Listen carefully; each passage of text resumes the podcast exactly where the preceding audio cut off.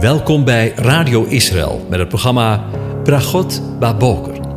Een kort ochtendprogramma waarin een gedeelte uit de Bijbel wordt gelezen en besproken. Met Bragot Baboker wensen onze luisteraars zegeningen in de ochtend. Presentator is Kees van de Vlist.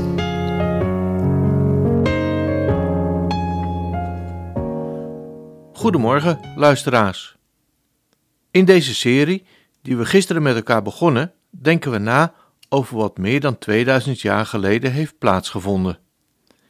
In de eerste aflevering dachten we na over de ondertrouw van Jozef en Maria.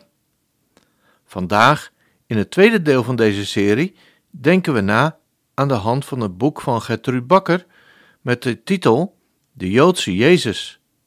En we denken na over Jezus als de onwettige zoon. Hoe keek men ten tijde van Jezus tegen hem aan?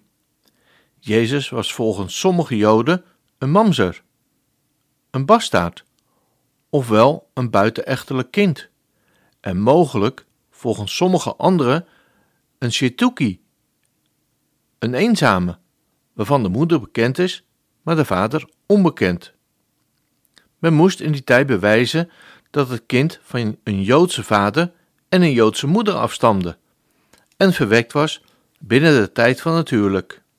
Jozef en Maria, die konden dat niet aantonen. Zodoende was hij een buitenstaander, een eenzame, en ging hij om met buitenstaanders, zoals een Maria Magdalena en een belastingambtenaar als Zacchaeus. Aan de ene kant zagen ze hem als een shetuki, maar aan de andere kant verweten zij hem dat hij omging met buitenstaanders. Toch herkende en erkende men hem ook als een rabbi. Ze waren er allemaal niet zo zeker van of hij een shetuki of een memzer was, want hij werd ook gewoon de zoon van Jozef genoemd, zoals we lezen in Johannes 1 vers 46.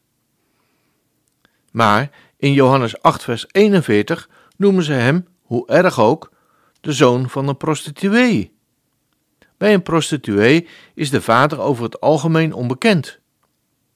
De Bijbel zegt over een memzer dat hij niet in de gemeente van de Heere mag komen. Zelfs zijn nakomelingen van de tiende generatie mogen nog niet in de gemeente van de Heere komen, lezen we in Deuteronomium 23, vers 2 en 3. Het begrip memzer wordt in de Bijbel niet duidelijk omschreven, maar het lijkt te maken te hebben met een kind uit een situatie van incest, overspel of verkrachting.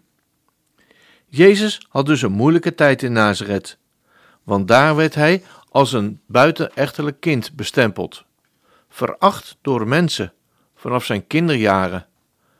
Maar van hem staat geschreven in Jesaja 43 hij was veracht, de onwaardigste onder de mensen, een man van smarten, bekend met ziekte, en als iemand voor wie men het gezicht verbergt.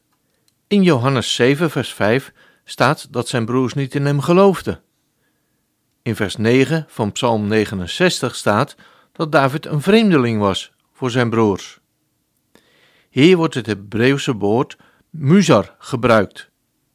En dat heeft hetzelfde wortel als mamzer, wat bastaard betekent. De steen die de zonen, de broers, hebben afgewezen, is een hoeksteen geworden, lezen we in Psalm 118, vers 22. Ook hier is het beeld van Jezus treffend met dat van David. Wil je meer weten wat David en Jezus met elkaar gemeen hebben met betrekking tot het ongewenst zijn? Dan verwijzen wij naar het boek van Gertrude Bakker, getiteld De Joodse Jezus. Het is verkrijgbaar in onze boekwinkel. Ga naar www.radioisrael.nl en kies voor winkel.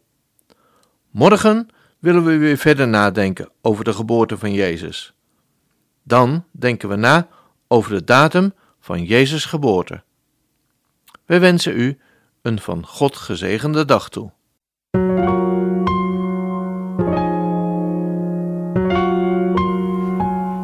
U hebt geluisterd naar het programma Bragot Baboker.